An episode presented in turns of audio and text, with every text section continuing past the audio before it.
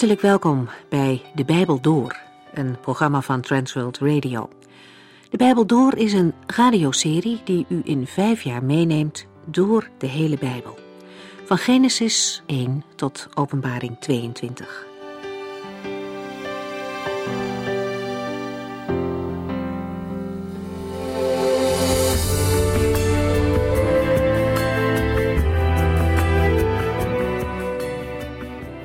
De afgelopen keren hebben we het begin van 1 Corinthiërs hoofdstuk 11 gelezen.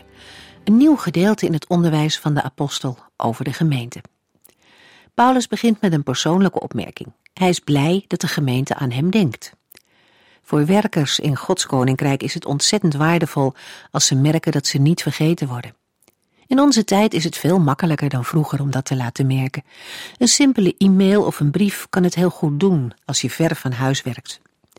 Een korte groet en bemoediging kan iemand nieuwe moed geven. Geld en gebed zijn niet de enige dingen die nodig zijn. Paulus legt vervolgens in hoofdstuk 11 uit hoe de verhoudingen tussen man en vrouw liggen. Hij heeft het in dit gedeelte niet over het huwelijk, maar over de positie binnen de gemeente. Paulus zegt erbij dat hij wil dat de gemeente die verhoudingen kent. Christus is het hoofd van de man en de man is het hoofd van de vrouw. Het onderscheid tussen man en vrouw gaat terug tot de schepping. Eerst werd de man geschapen en uit hem de vrouw. De rangorde gaat terug op zowel de volgorde van de schepping, de manier waarop en de reden waarom man en vrouw geschapen zijn. Het verschil komt tot uitdrukking in haardracht en hoofdbedekking. En daar gaat dit gedeelte over. Het onderscheid betekent echter zeker geen verschil in waarde of in waardigheid. Juist in het christendom geldt dat de man en de vrouw in Christus gelijkwaardig zijn. Elk mag op zijn of haar eigen plaats leven voor God. We lezen verder vanaf vers 17 in 1 Corinthiërs 11.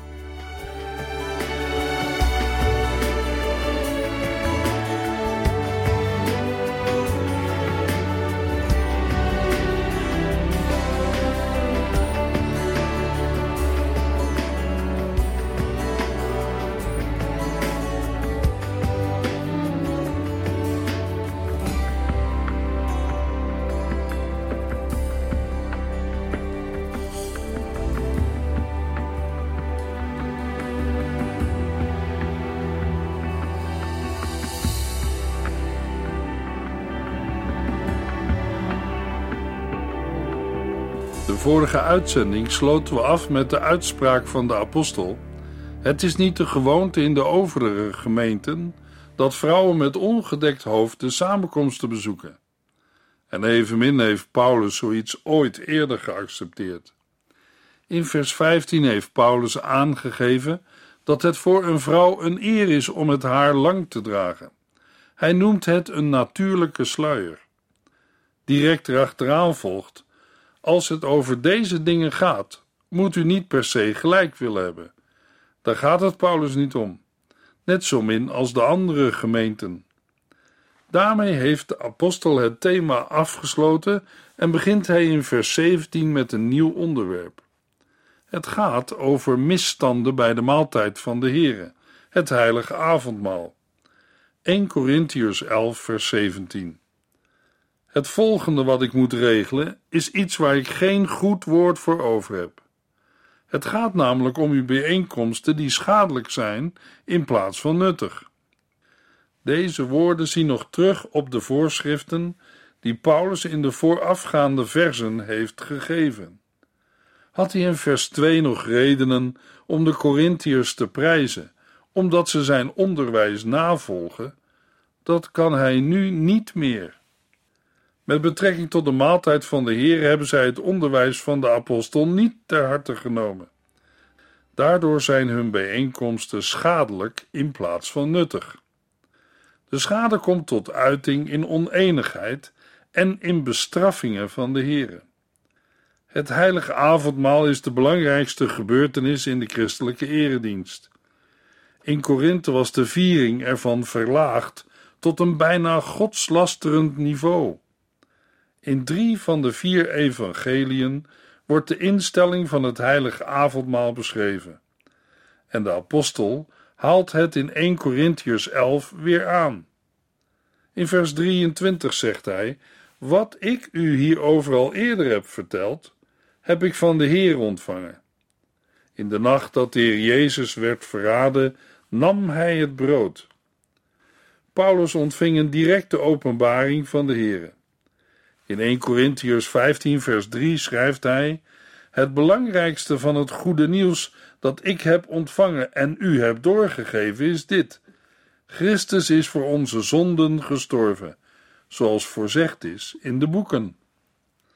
In Handelingen 2, vers 46 en 47 lezen we dat in de eerste christengemeenten het avondmaal vooraf werd gegaan door een gemeenschappelijke maaltijd. Elke dag kwamen ze in de tempel bijeen en waren één van hart en ziel. Ze aten bij elkaar thuis, blij en onbezorgd. Ze prezen God en het hele volk was hun goed gezind. En God zorgde dat er elke dag nieuwe mensen bij kwamen die gered werden. Voor de woorden zij aten bij elkaar thuis, blij en onbezorgd, staat in de Griekse grondtekst: zij braken het brood aan huis en gebruikten hun maaltijden met blijdschap en eenvoud. Het breken van het brood wijst naar het avondmaal en het woord maaltijden op de voorafgaande gemeenschappelijke maaltijd. In de bovenzaal vierde de heiland met zijn volgelingen het Joodse paasfeest. Een onderdeel van deze viering was de paasmaaltijd. De instelling van het avondmaal is te lezen in onder andere Matthäus 26, vers 19 tot en met 30. De gemeenschappelijke maaltijden die voor het avondmaal werden gehouden, werden liefdemaaltijden of agape-maaltijden genoemd. Later werden deze maaltijden apart gehouden. In 1 Corinthiërs 11 moet de apostel de gemeente vermanen over deze maaltijden. Ze zijn schadelijk in plaats van nuttig. 1 Corinthiërs 11 vers 18 Ik heb gehoord dat er, wanneer u bijeenkomt, nogal wat oneenigheid is. En ik geloof wel dat er iets van waarheid in is. Als eerste punt noemt Paulus de verdeeldheid tijdens de samenkomsten. Paulus heeft gehoord dat er nogal oneenigheid is. De verdeeldheid in de gemeente kwam ook in hoofdstuk 1, 3 en 4 aan de orde. Het ging om partijschappen, het zich noemen naar en richten op bepaalde leiders. In 1 Corinthians 11 is dat minder duidelijk. In vers 19 schijnt het te gaan om groeperingen die een bepaalde dwaalleer aanhangen. Maar in vers 22 lijkt de verdeeldheid vooral terug te voeren op verschillen tussen rijk en arm. Het is opmerkelijk dat Paulus hier in verband met de berichten over scheuringen zegt: Ik geloof wel dat er iets van waarheid in is. Waren degenen die Paulus hierover inlichten misschien zelf partijdig, zodat Paulus het gevoel kreeg dat hij eenzijdig werd ingelicht? Of vinden we het antwoord in vers 19, waar de apostel zegt: Er moeten wel splitsingen onder u plaatsvinden Anders zou niet duidelijk worden wie aan de goede kant staat. Is de oneenigheid de voorbode van een zuivering?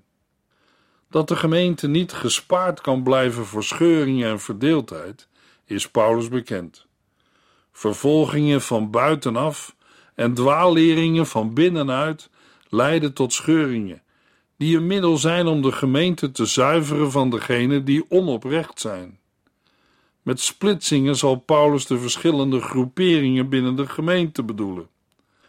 Het woord splitsingen wordt ook gebruikt voor groepen die zich afscheiden. In 2 Thessalonicense 2 vers 3 schrijft de apostel dat eerst de grote ontrouw aan God zal komen en daarna zal de mens van zeer grote zonde opstaan, die tot ondergang is gedoemd. Daarbij zullen onoprechte gelovigen het evangelie de rug toekeren. Het gevolg daarvan zal zijn dat van de volhardende gelovigen zal blijken welke gelovigen niet alleen met de mond, maar met hun hele hart de Heer Jezus liefhebben en toebehoren. Zij zullen zich niet onder invloed van dwaalleer van de gemeente afscheiden of tijdens vervolgingen de Heere verloochenen. 1 Corinthians 11, vers 20 tot en met 22. Wanneer u bij elkaar komt om iets te eten, heeft dat niets te maken met de maaltijd van de Here. Voordat de maaltijd goed en wel begonnen is, schrokt iedereen zoveel mogelijk naar binnen, met het gevolg dat sommigen nog honger hebben en anderen dronken zijn. Als u echt zoveel honger hebt, moet u eerst thuis iets eten. Betekent de gemeente van God zo weinig voor u dat de arme medegelovigen door u geen kans krijgen om te eten? Wat denkt u? Dat ik u een compliment zal geven? Ik denk er niet aan. In plaats van gezamenlijk de maaltijd van de Here te vieren, is wat in Korinthe gebeurt niet meer dan het gebruiken van een eigen maaltijd.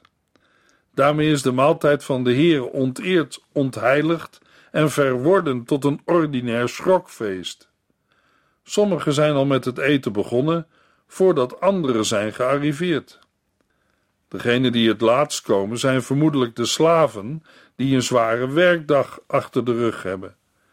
De slaven moesten genoegen nemen met de resten. Hoe het ook zij, het resultaat van deze maaltijd, die een liefdemaal had moeten zijn, is dat sommigen zo weinig hebben gekregen dat ze nog honger hebben, terwijl een ander zich te goed heeft gedaan zodat hij dronken is. Een dergelijke ontaarding was vaak niet te wijten aan de gastheer. Het was de bedoeling dat de gelovigen, behalve voor zichzelf en hun gezin, ook voor de armen eten meenamen. Maar in de praktijk werd er vaak alleen voor zichzelf gezorgd. Het verschil in rijkdom werd daardoor tijdens zo'n maaltijd schrijnend zichtbaar. 1 Corinthians 11, vers 23 en 24. Wat ik u hierover al eerder heb verteld, heb ik van de Heer ontvangen. In de nacht dat de Heer Jezus werd verraden, nam hij een brood, dankte God ervoor en zei: Dit is mijn lichaam dat ik voor u geef. Eet het geregeld, als een herinnering aan mij. Het karakter en de sfeer van de maaltijd van de Corinthiërs verschilt totaal van het karakter van het avondmaal dat de Heer Jezus met zijn leerlingen vierde. Daarom onderwijst Paulus nogmaals de overlevering van het avondmaal. Op grond van Paulus' eigen getuigenis ga ik ervan uit dat de heiland zelf de instelling van het heilige avondmaal aan Paulus heeft geopenbaard. Daarnaast moeten we bedenken dat de gebeurtenissen rondom Jezus' lijden en opstanding in de vroege christelijke gemeente bekend waren en zorgvuldig werden overgeleverd. Paulus zal na zijn bekering in Damascus van de gelovigen aldaar en later van de apostelen te Jeruzalem zeker over deze dingen hebben gehoord. Ook elders verwijst Paulus naar uitspraken van de Heer Jezus, die hij door overlevering moet hebben ontvangen. Waar het Paulus in ieder geval om gaat, is dat de door hem verkondigde overlevering werkelijk teruggaat op de Heer Jezus zelf. Hij garandeert dat zijn woorden een juiste weergave zijn van de toenmalige gebeurtenissen. Dit wordt bevestigd door de bijna woordelijke overeenkomsten met Matthäus 26, Marcus 14 en Lucas 22. De nacht dat de Heer Jezus werd verraden, verwijst naar het verraad van Judas in de nacht voor de kruisiging. Een van Jezus' eigen volgelingen leverde hem over aan de Joodse Hoge Raad. Zoals bij een Joodse maaltijd de vader des huizes het brood nam, God dankte voor het voedsel en dan het brood brak en het uitdeelde aan de huisgenoten, zo had ook de Heer Jezus gehandeld bij de laatste maaltijd die hij met zijn discipelen had. Het breken van het brood werd sindsdien een vaste omschrijving voor de viering van het heilig avondmaal. De woorden die Jezus bij het uitdelen van het brood sprak waren: Dit is mijn lichaam en eet het geregeld als een herinnering aan mij. Het ging daarbij om een profetische en symbolische handeling, die meer inhoudt dan alleen maar een onderwijzing of een teken. Het gebroken en gegeten worden van het brood spreekt duidelijk en krachtig van de zelfovergave van de Heer Jezus, als offerlam voor de zijnen tot in de dood. De woorden dit is mijn lichaam moeten we interpreteren als dit brood representeert, vertegenwoordigt mijn lichaam. Onder protestanten en rooms-katholieken bestaat over dit punt verschil van mening. Denk daarbij aan de leer van de transsubstantiatie en de consubstantiatieleer van Luther en de opvattingen van Zwingli. Bij de woorden dat ik voor u geef, zullen we moeten bedenken ter vergeving van jullie zonde en in jullie plaats. De discipelen krijgen de opdracht dit geregeld te doen als een herinnering aan Jezus. Dit houdt in dat ze deze handelwijze, het danken, het breken van het brood en het uitspreken van de woorden: Dit is mijn lichaam voor jullie, steeds moeten herhalen. De uitdrukking als een herinnering aan mij moeten we begrijpen in het licht van het Joodse paasfeest of Pesach. De Israëlieten kregen de opdracht om het Pascha als een herinnering aan de goddelijke verlossing uit Egypte te blijven vieren. Zo moet de maaltijd van de Heere, het heilige avondmaal, een voortdurende herinnering zijn aan het verlossend lijden en sterven van de Heer Jezus. 1 Corinthians 11 vers 25 Na het eten nam hij ook de beker en zei, deze beker is het nieuwe verbond, dat bekrachtigd wordt met mijn bloed. Drink die geregeld als een herinnering aan mij. Net als het brood wijst ook de beker naar Christus. Hij nam de beker, sprak de zegen uit en liet die rondgaan, waarbij hij de nieuwe betekenis van deze beker verklaarde. De beker ging rond na gegeten te hebben, dat wil zeggen, naar Joods gebruik, ter afsluiting van de maaltijd. Jezus' woorden bij de beker waren: Deze beker is het nieuwe verbond dat wordt bekrachtigd met mijn bloed. De wijn in de beker vertegenwoordigt Jezus' bloed dat aan het kruis heeft gevloeid. Dat bloed, de dood van de Heer Jezus, vormt de basis voor de nieuwe relatie tussen God en zijn volk. Zoals het oude verbond dat bij de Sinaï met Israël werd gesloten, met bloed werd ingewijd, zo is ook het nieuwe verbond gebaseerd op het verzoeningsoffer van Jezus bloed. De uitdrukking het nieuwe verbond vinden we al in Jeremia 31. Het drinken van de beker drukt de verbondenheid uit van de gelovigen met Jezus bloed en bevestigt zijn deel hebben aan Jezus dood en opstanding en daarmee aan de verzoening die de Heer Jezus heeft bewerkt. Ook bij de beker horen wij de opdracht: drink die geregeld als een herinnering aan mij. Het woordje geregeld wijst erop dat de viering van het heilige avondmaal regelmatig moet plaatsvinden. De Heerde werd geboren om te sterven en zijn lichaam en bloed te geven voor ons. Steeds opnieuw horen we die boodschap in de verkondiging van de apostelen. Ook vandaag mag nog steeds klinken dat de mens door het bloed van Christus vergeving van zonde mag ontvangen. Dat is Gods genade voor zondige mensen. Het was en is onmogelijk om deze genade op een andere manier te verwerven dan door Christus. De gemeente van Christus wordt daar in het avondmaal steeds aan herinnerd. Er is geen achterdeurtje in de hemel, waardoor een mens op grond van eigen verdiensten of goede werken naar binnen kan. Zonder de Heer Jezus Christus komt er niemand in de hemel. De Heere sluit zijn ogen niet voor onze zonden. De Heere doet niet net alsof er niets is gebeurd. Hij gaf zijn enige zoon tot verzoening van al onze zonden. 1 Corinthians 11 vers 26 Want telkens, als u van dit brood eet en uit deze beker drinkt, bevestigt u daarmee dat de Heere gestorven is. Doe dit tot hij terugkomt. De overgeleverde woorden van de Heer Jezus zijn in het vorige vers afgesloten. In vers 26 voegt de apostel iets nieuws toe. Het deelnemen aan het heilige avondmaal, waarin het brood het gestorven lichaam van de Heer Jezus vertegenwoordigt en de wijn zijn vergrote bloed, is op zichzelf al een verkondiging van de dood van de Heere. In het avondmaal getuigen christenen van het feit dat Jezus Christus voor hun zonden is gestorven.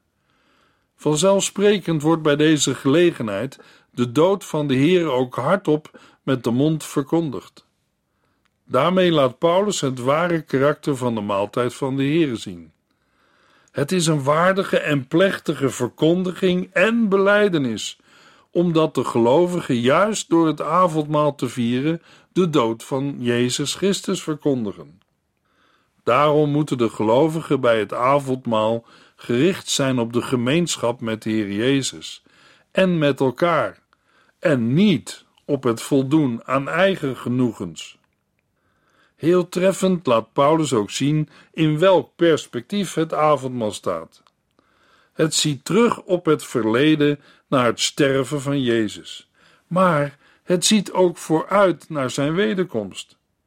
Zeker zal dan ook het Maranatha, kom Heere, tijdens het avondmaal hebben geklonken.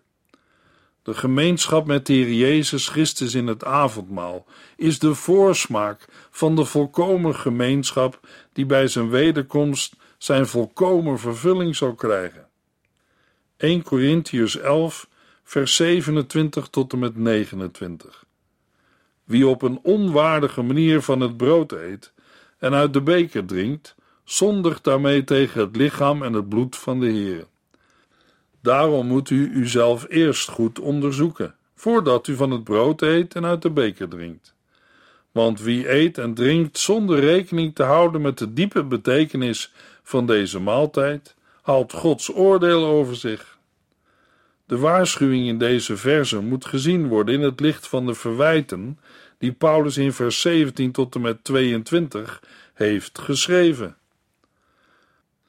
De Corinthiërs maken aan de tafel van de Here onderscheid tussen gelovigen, door de armen te vernederen. De onwaardige manier van eten houdt verband met de instelling van sommige Corinthiërs. Ze doen zich tijdens de maaltijd van de Here te goed en eten zich vol. Ze houden daarbij geen rekening met de armen en houden geen rekening met de diepe betekenis van het avondmaal. Op deze manier verkondigen zij niet het sterven van Jezus en de verlossing door zijn bloed.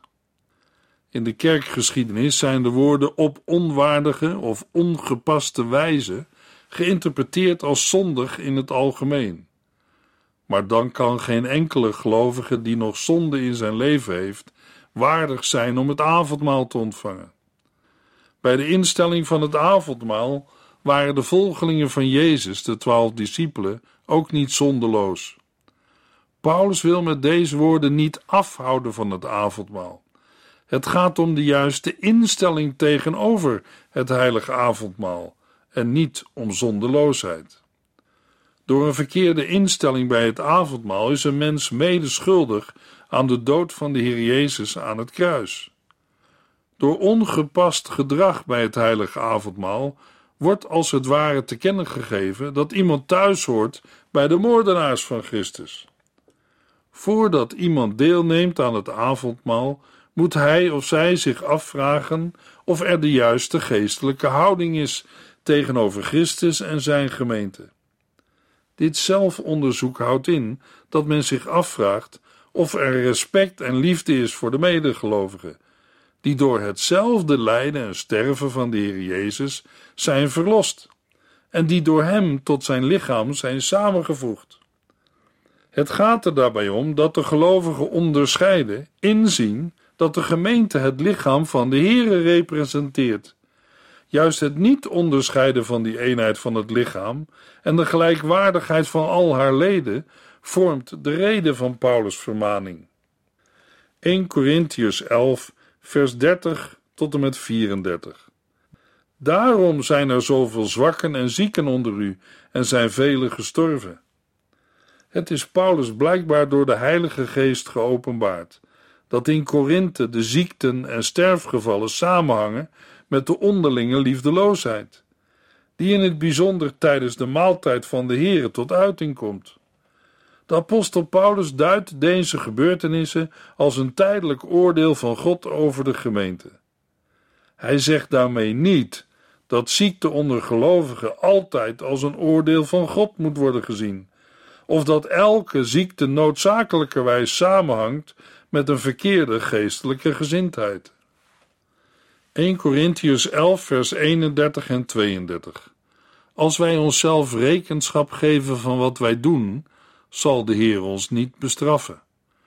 Maar als Hij ons bestraft, doet Hij dat om ons op de goede weg te leiden. Anders zouden wij met de wereld worden veroordeeld. Toch heeft dit oordeel, hoe zwaar ook, een geheel ander karakter dan het oordeel waarmee God straks de ongelovige wereld, mensheid, straft. Dat laatste oordeel is een veroordeling tot een eeuwig verderf. Het huidige oordeel dat de gemeente treft, heeft een tuchtigende en daarmee een opvoedende waarde. Het dient er juist toe om de gelovigen te bewaren voor onverschilligheid en vervlakking van hun geloof. En het voorkomt dat zij wegglijden in de richting van de zondige wereld. Ook op andere plaatsen in het Nieuwe Testament lezen we dat moeilijke omstandigheden en druk in Gods hand kunnen functioneren als een correctie voor de gelovigen. 1 Corinthiërs 11, vers 33 en 34. Dus, beste vrienden, als u bij elkaar komt om te eten, wacht dan op elkaar. Dan kunt u samen beginnen. En als iemand honger heeft, moet hij eerst thuis eten. Anders haalt hij in de bijeenkomst een oordeel over u. Er is nog het een en ander, maar dat zal ik wel regelen als ik bij u kom.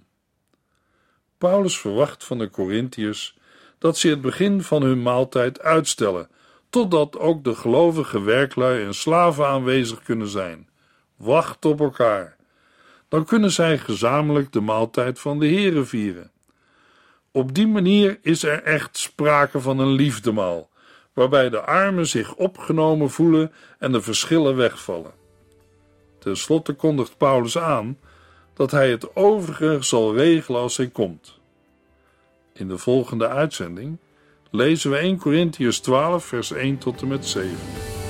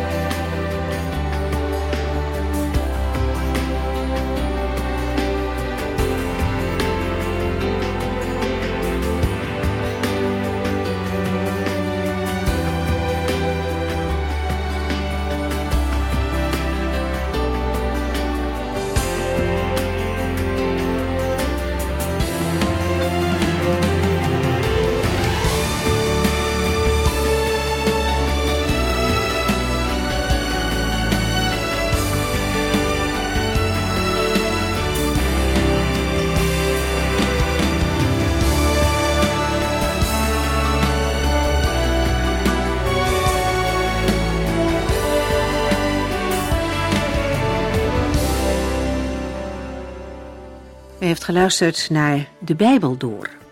In het Nederlands vertaald en bewerkt door Transworld Radio. Een programma waarin we in vijf jaar tijd de hele Bijbel doorgaan. Als u wilt reageren op deze uitzending of u heeft vragen, dan kunt u contact met ons opnemen.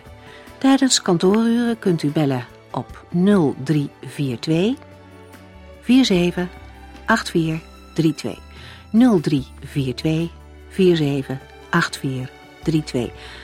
Ook kunt u een e-mail sturen naar de Bijbel door transworldradio.nl en natuurlijk kunt u ook via de post ons bereiken.